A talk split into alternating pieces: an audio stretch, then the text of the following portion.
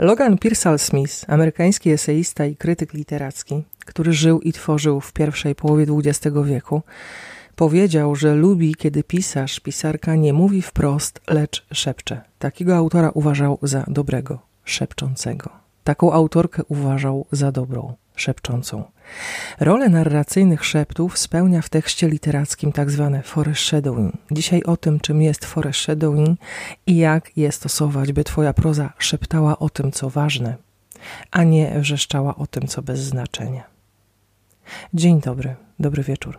Nazywam się Ewa Madejska, a to kolejny odcinek twórczego pisania z Madejską, czyli podcastu o tym, jak dobrze pisać literaturę.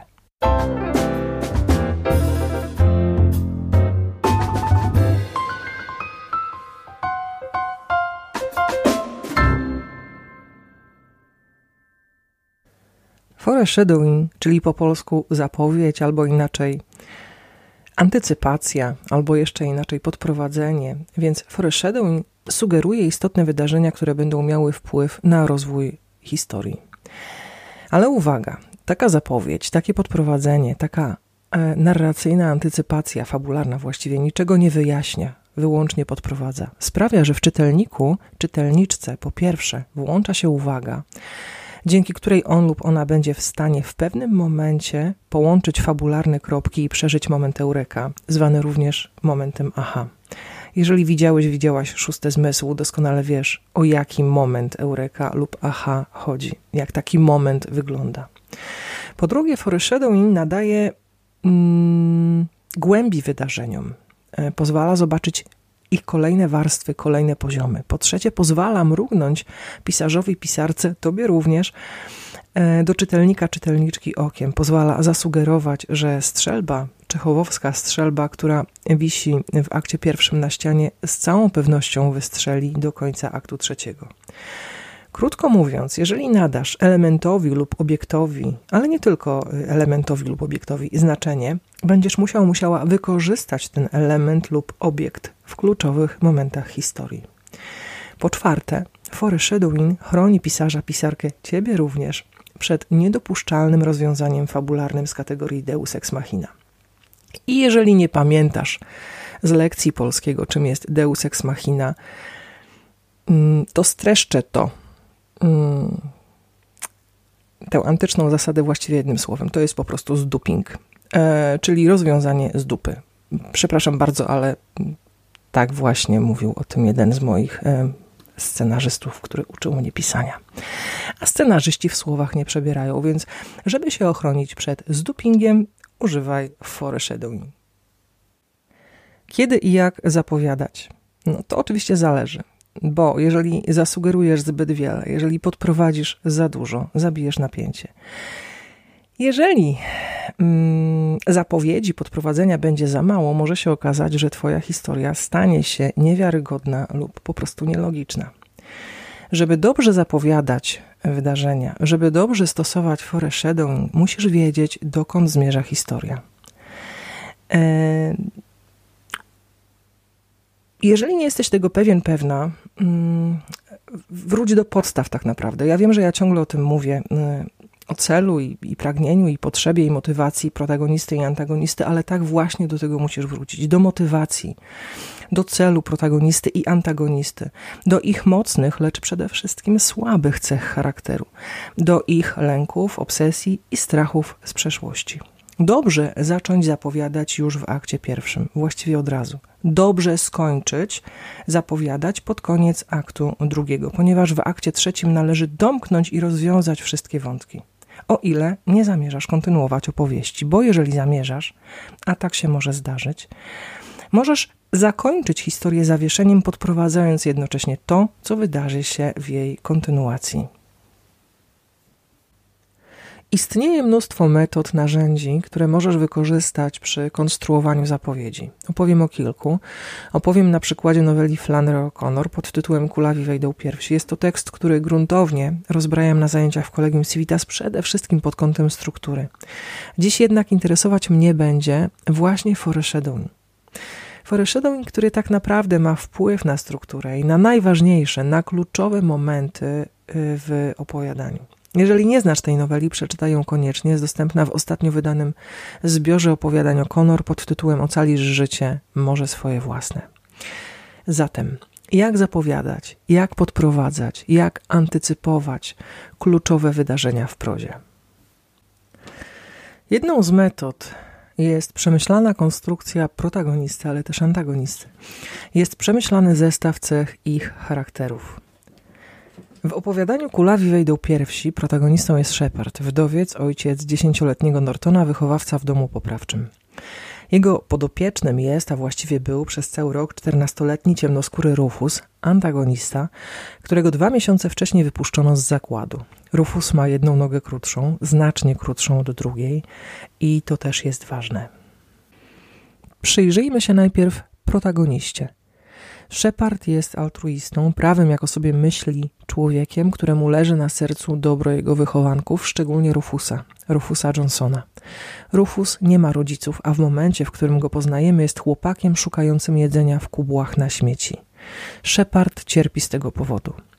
Cierpi również, może bardziej, z tego powodu, że jego syn, jedyny syn, który ma wszystko, nie podziela jego pełnego miłosierdzia, chociaż raczej litości, te wartości mieszają się chyba Shepardowi w jego systemie, e, stosunku do ubogich, do bliźnich. Nie może znieść tego Shepard, że Norton, amator masła orzechowego i ciasta czekoladowego, rośnie na egoistę, na człowieka, dla którego ważne są trzy sprawy: handlować, zarabiać i oszczędzać.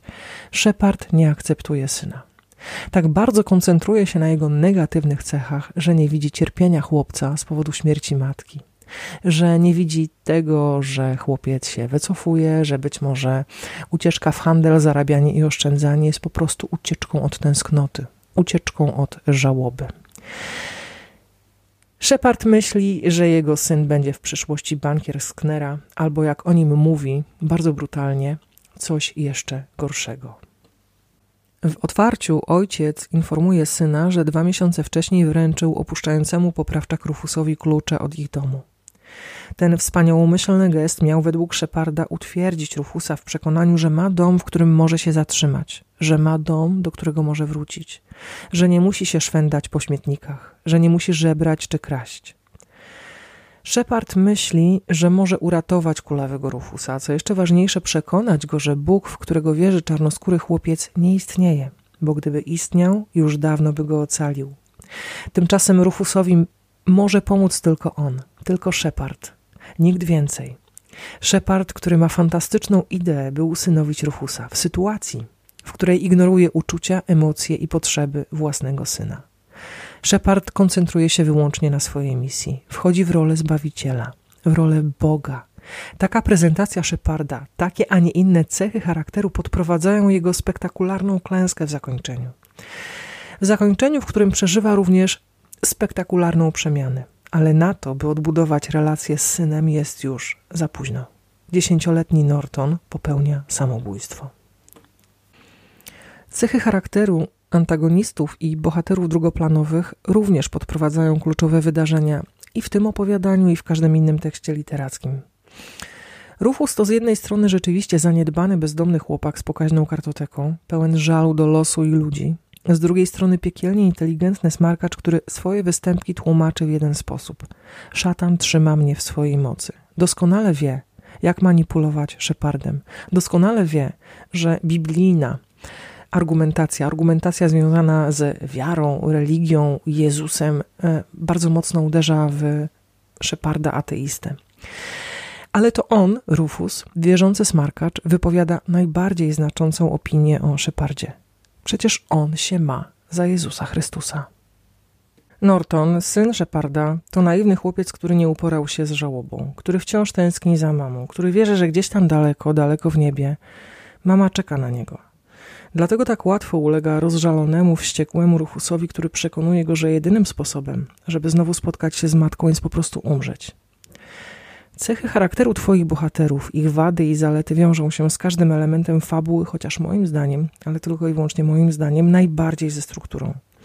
Zapowiadają to, czy bohater poradzi sobie z konfliktem, czy wyjdzie zwycięsko z konfrontacji lub kryzysu, czy też poniesie porażkę. Pamiętaj też, że postacie drugoplanowe to również pełnokrwiści bohaterowie z unikalnym zestawem cech. Nie są tylko dekoracjami. Ich obecność powinna być uzasadniona. Ty zaś powinieneś, powinnaś wykorzystać w kluczowych momentach ich cechy charakteru, takie jak na przykład złośliwość, rozrzutność, skłonność do plotkarstwa, wojeryzm, słabość do czekolady, cokolwiek. Niech to jednak będzie przemyślana cecha charakteru, taka, która zagra w dalszej części opowieści, taka, która będzie istotna, taka, która być może, nie, nie być może, na pewno zmieni bieg wydarzeń. Podsumowując, zasada, o ile w ogóle można mówić o zasadach w literaturze, ale umówmy się, że tym razem zasada jest prosta. Konfrontuj postacie z ich największymi lękami i fałszywymi przekonaniami. Buduj ich z krwi i kości, ze słabości i przykrości, z fałszywych idei i pragnień, które wiodą na manowce. Wtedy w kluczowych momentach pozwolisz im zmierzyć się ze słabościami, z prawdą, z kłamstwami. Pozwolisz im dojrzeć i przeżyć przemianę. Przede wszystkim zbudujesz wiarygodny konflikt i emocjonujący klimaks. Kolejnym narzędziem, zaraz po dobrze przemyślanych cechach charakteru protagonistów, antagonistów i postaci drugoplanowych, a więc kolejnym narzędziem, dzięki któremu możesz skutecznie używać zapowiedzi, są dialogi. O dialogach mówiłam dokładnie w odcinku 16. Przypomnę tylko, że dialog nie jest zapisem żywej mowy, jest jej iluzją. Nie zmienia to jednak faktu, że nawet stylizowany, literacki pozostaje jednym z najbardziej sugestywnych oraz intensywnych elementów narracji. Pozwala budować dynamiczny konflikt, pozwala budować podtekst, pozwala też zapowiadać przyszłe wydarzenia. E, u Flannery O'Connor w opowiadaniu Kulawi wejdą pierwsi jest to jedno kluczowe, najważniejsze wydarzenie śmierć Nortona. I popatrz, jak taka zapowiedź wygląda w dialogu. Nie, nie popatrz, posłuchaj. No właśnie, posłuchaj. Kto mówi, że nie ma piekła, zaprzecza samemu Panu Jezusowi, powiedział Rufus. Człowiek po śmierci staje przed sądem, a jeżeli był zły, będzie potępiony. W piekle potępieńcy płaczą i zgrzytają zębami i ogień ich pali w ciemnościach przez wieki wieków. Norton otworzył usta. Oczy jakby mu się zapadły. Szatan tam wszystkim rządzi, powiedział Rufus. Norton zerwał się z podłogi i na spętanych nogach podskoczył w kierunku Rufusa. Czy ona tam jest? spytał bardzo głośno. Czy ją tam pali ogień? Niecierpliwym ruchem uwolnił nogi z pęd. Ona jest tam? Tam jest w płomieniach? O Boże, jęknął Shepard. Nie, oczywiście, że nie. Rufus się myli. Twoja matka nie przebywa ani tam, ani gdzie indziej. Nie cierpi. Po prostu nie ma jej. Powiedz, Rufus, czy ona tam jest w ogniu? zawołał Norton. Rufusowi oczy zabłysnęły. No, jeżeli była zła, to tam jest, odparł. Czy była rozpustnicą? zapytał Nortona. Twoja matka nie była rozpustnicą, zaprotestował ostro Shepard. Miał wrażenie, że prowadzi samochód, któremu brak hamulców. Dość tych głupstw, powiedział. Rozmawialiśmy o księżycu. Czy wierzyła w Jezusa? spytał Rufus. Norton patrzył na niego bezradnie.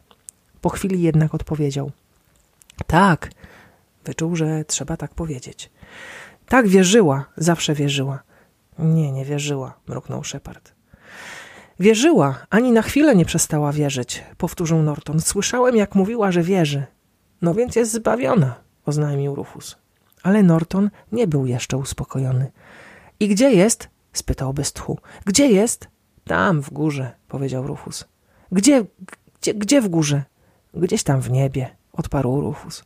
Żeby się tam dostać, trzeba najpierw umrzeć. Rakietą nie dolecisz. W jego oczach zjawiła się teraz cienka smuga blasku. Jakby snop światła reflektora zatrzymał się na obranym celu.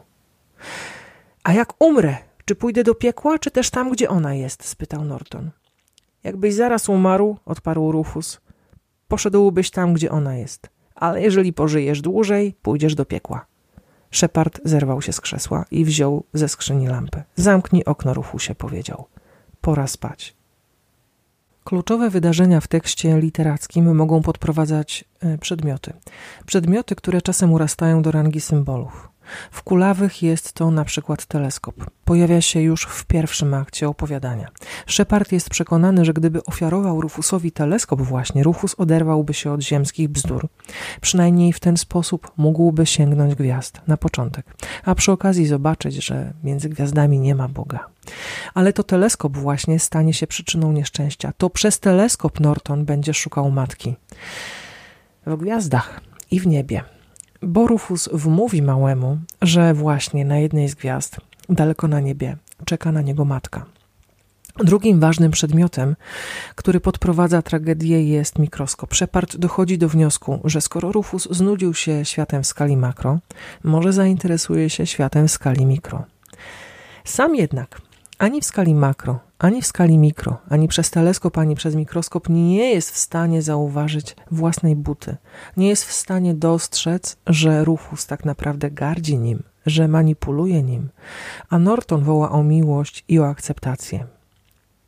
I ogólnie w roli przedmiotów zapowiadających wydarzenia doskonale sprawdzają się przedmioty osobiste o wartości sentymentalnej, takie jak wielokrotnie wykorzystywane w rozmaitych tekstach zdjęcia, pamiętniki, listy, broszki, e, cokolwiek. Kryje się w nich podwójna wartość. Z jednej strony antycypują to, co się wydarzy, z drugiej strony ogrywają backstory. Doskonałą metodą na skuteczną zapowiedź jest wykorzystanie otoczenia dobry opis otoczenia. E, o opisie mówiłam w którym odcinku? E, w jedenastym. E, w opowiadaniu Flannery O'Connor szczególnym miejscem jest poddasze. Opisuje to miejsce właściwie w jednym, jedynym zdaniu. W domu Szeparda na poddaszu mieścił się niewykończony pokój z odsłoniętymi belkami stropu, bez elektrycznego oświetlenia. Nie ma nic przejmującego w tym opisie oprócz odsłoniętych belek stropu. To na nich powiesi się w finale Norton. Ale dialog, który przytoczyłam wyżej, również toczy się na poddaszu. To tam zajdą najważniejsze dla tego tekstu, dla tego opowiadania, dla tej noweli wydarzenia. Otoczenie doskonale zapowiada wydarzenia w literaturze gatunkowej, ale tak naprawdę nie tylko. W romansach, kryminałach, horrorach, thrillerach może podprowadzać wesoły seks, przykrą zbrodnię, albo okrutne tortury. Pamiętaj o tym, kiedy będziesz pracować nad własną prozą. W otoczeniu oczywiście koncentruj się na detalach, przede wszystkim tych, które znaczą. Wydarzenia, zwłaszcza te małe, te pozornie niewiele znaczące, doskonale podprowadzają ważne punkty zwrotne w opowieści. I takim wydarzeniem, jednym z wielu oczywiście, ale to akurat ma według mnie duże znaczenie, jest wizyta e, w sklepie ortopedycznym. Shepard postanawia, że Rufus potrzebuje nowego buta ortopedycznego z 10-centymetrowym obcasem. Chłopak jednak kategorycznie odmawia przyjęcia daru. Dumny i wściekły wyzywa ekspedienta w sklepie obuwniczym, każe mu ostudzić łysą pałę pod strumieniem zimnej wody. Shepard prosi jednak sprzedawcę, aby zapakował nieszczęsny but. Tłumaczy Rufusa przed nim, że jest dziecinny, niedojrzały, że w domu mu przejdzie. Tak bardzo wierzy we własną wersję Rufusa, a właściwie we własną wersję jego zbawienia, że nie słyszy szyderczej uwagi chłopaka. Omylił się pan. I to nie pierwszy raz. Bo tak naprawdę opowiadanie Flannery O'Connor jest historią o życiu w prawdzie i kłamstwie. Shepard, który uważa się za cnotliwego i prawego człowieka, nie dostrzega, że żyje w iluzji. W krytycznym momencie będzie musiał się zmierzyć ze wszystkimi omyłkami, ze wszystkimi kłamstwami i z jedną jedyną prawdą, że najważniejszą zasadą życia w rodzinie jest bezwarunkowa miłość. Tyle, że kiedy to zrozumie, nie będzie miał już kogo kochać. I paradoksalnie Rufus. Rufus, który kradnie i kłamie, w tym co mówi i robi, jest autentyczny. To on żyje, w przeciwieństwie do Szeparda, w prawdzie, w swojej prawdzie. W ramach dobrej zapowiedzi możesz wykorzystać również sekrety, tajemnice, a nawet pogodę. Tych akurat elementów nie ma w opowiadaniu Flannery O'Connor, ale jeżeli czytałeś, czytałaś Stephena Kinga, doskonale wiesz o co chodzi. I Dolores Claiborne z powieści o tym samym tytule i Annie Wilkes z Misery mają tajemnice, które narrator podprowadza od samego początku. W obu powieściach chodzi o morderstwo. Dolores Claiborne do końca ukrywa, skutecznie zresztą, zabójstwo męża, a Paul Sheldon, bohater Misery, z wycinków gazet odkrywa tajemnicę Annie Wilkes, która jako mała dziewczynka prawdopodobnie spowodowała śmierć pięciorga sąsiadów, zabiła własnego ojca, a na studiach współlokatorkę. Pogoda w lśnieniu również Stephena Kinga podprowadza szaleństwo głównego bohatera, aspirującego pisarza Jake'a Torransa. To przez dziką zimę, taką jak ta za moim oknem, główny bohater Jake zostaje wspólnie z rodziną odcięty od świata w górskim hotelu, a chwilę później zostaje odcięty od rozumu. Przy konstruowaniu zapowiedzi z umiarem możesz korzystać również ze snów, przeczuć i podsłuchanych rozmów. Podsumowując, Foreshadowing, czyli po polsku zapowiedź, sugeruje istotne wydarzenia, które będą miały wpływ na rozwój e, historii. Do tego, by skutecznie zapowiadać momenty kulminacyjne i punkty zwrotne, możesz używać wielu narzędzi. Znajdziesz wśród nich cechy charakteru bohaterów, znaczące dialogi, ważne jak czechowowska strzelba, przedmioty, istotne miejsca i wydarzenia, a także sekrety i tajemnice. Praktyka Moja na pewno pokazuje, że dobre zapowiedzi nie zawsze wychodzą w pierwszej wersji tekstu. Mnie nie wychodzą. Nie wszystko widzę od początku, naprawdę nie wszystko. Chyba, że widzę, wtedy piszę bardziej świadomie, ale i tak, i tak w pierwszej wersji tekstu najczęściej wychodzą fabularne dziury. Dopiero przy drugiej wersji zaczyna się łatanie ubytków i skuteczne podprowadzanie wydarzeń i rozwiązań, dla których należy znaleźć uzasadnienie w tekście. Nie przejmuj się zatem, powtórzę to po raz kolejny, niedoskonałościami pierwszej wersji. Wszystko, czego jej brakuje, naprawisz przy redakcji i edycji. Dopiszesz, podprowadzisz, zapowiesz. I na koniec powtórzę, że dobra zapowiedź to narracyjny szept, a nie krzyk. Więc szepcz, a między szeptami pozwól czytelnikom czekać w napięciu na to, co się wydarzy. Na zakończenie jeszcze dwa słowa o newsletterze i o twórczym poniedziałku, bo już wystarczy teorii i praktyki pisania. E, w ostatnim nagraniu ambitnie założyłam, że do końca lipca stworzę cykl miesięcznych wyzwań, które pozwolą Wam w ciągu pół roku napisać pięć albo sześć opowiadań. I z mojej strony nie ma żadnego problemu, ale ale informacja zwrotna, jaką od Was otrzymałam, jest następująca. Wolicie ćwiczenia konkretne i proste, które będą skoncentrowane wokół zagadnień warsztatowych, a nie wokół tematycznych opowiadań, które jednak dla osób rozpoczynających przygodę z pisaniem mogą być wymagające. I może ma to sens. Tak czy inaczej, widzimy się do końca lipca w każdy poniedziałek. W lutym dokończymy jeszcze zimową przygodę Andrzeja Bąka i Emilii Skoczek. Od marca natomiast zaczniemy pracę skoncentrowaną właśnie wokół rozmaitych wyzwań warsztatowych. W marcu będą to zmysły i emocje, w kwietniu bohater i punkty widzenia, w maju struktura pięciu aktów i w maju przeprowadzę cię jednak przez e, pisanie strukturalnego pięcioaktowego opowiadania, w czerwcu dialog, a w lipcu opis. Więc jeżeli poważnie myślisz o opisaniu, zapisz się na newsletter na mojej stronie ewamadejska.pl łamane przez newsletter. Skorzystaj z okazji, ponieważ tego cyklu już nigdy naprawdę nigdy nie powtórzę. Możesz się też spotkać ze mną na konsultacji ogólnej, jak chcesz pogadać, albo przedstawić do oceny i analizy fragment prozy, nad którą pracujesz. Otrzymasz feedback wraz z wytycznymi na twórczą drogę. Znajdziesz mnie na mojej stronie ewamadejska.pl, skontaktujesz się ze mną pisząc na kontaktmałpa.ewamadejska.pl i jestem lepiej albo gorzej, ale ciągle jestem na Facebooku facebook.com Ewa Madejska. No to już chyba naprawdę wszystko. Pozdrawiam. Do usłyszenia za dwa tygodnie.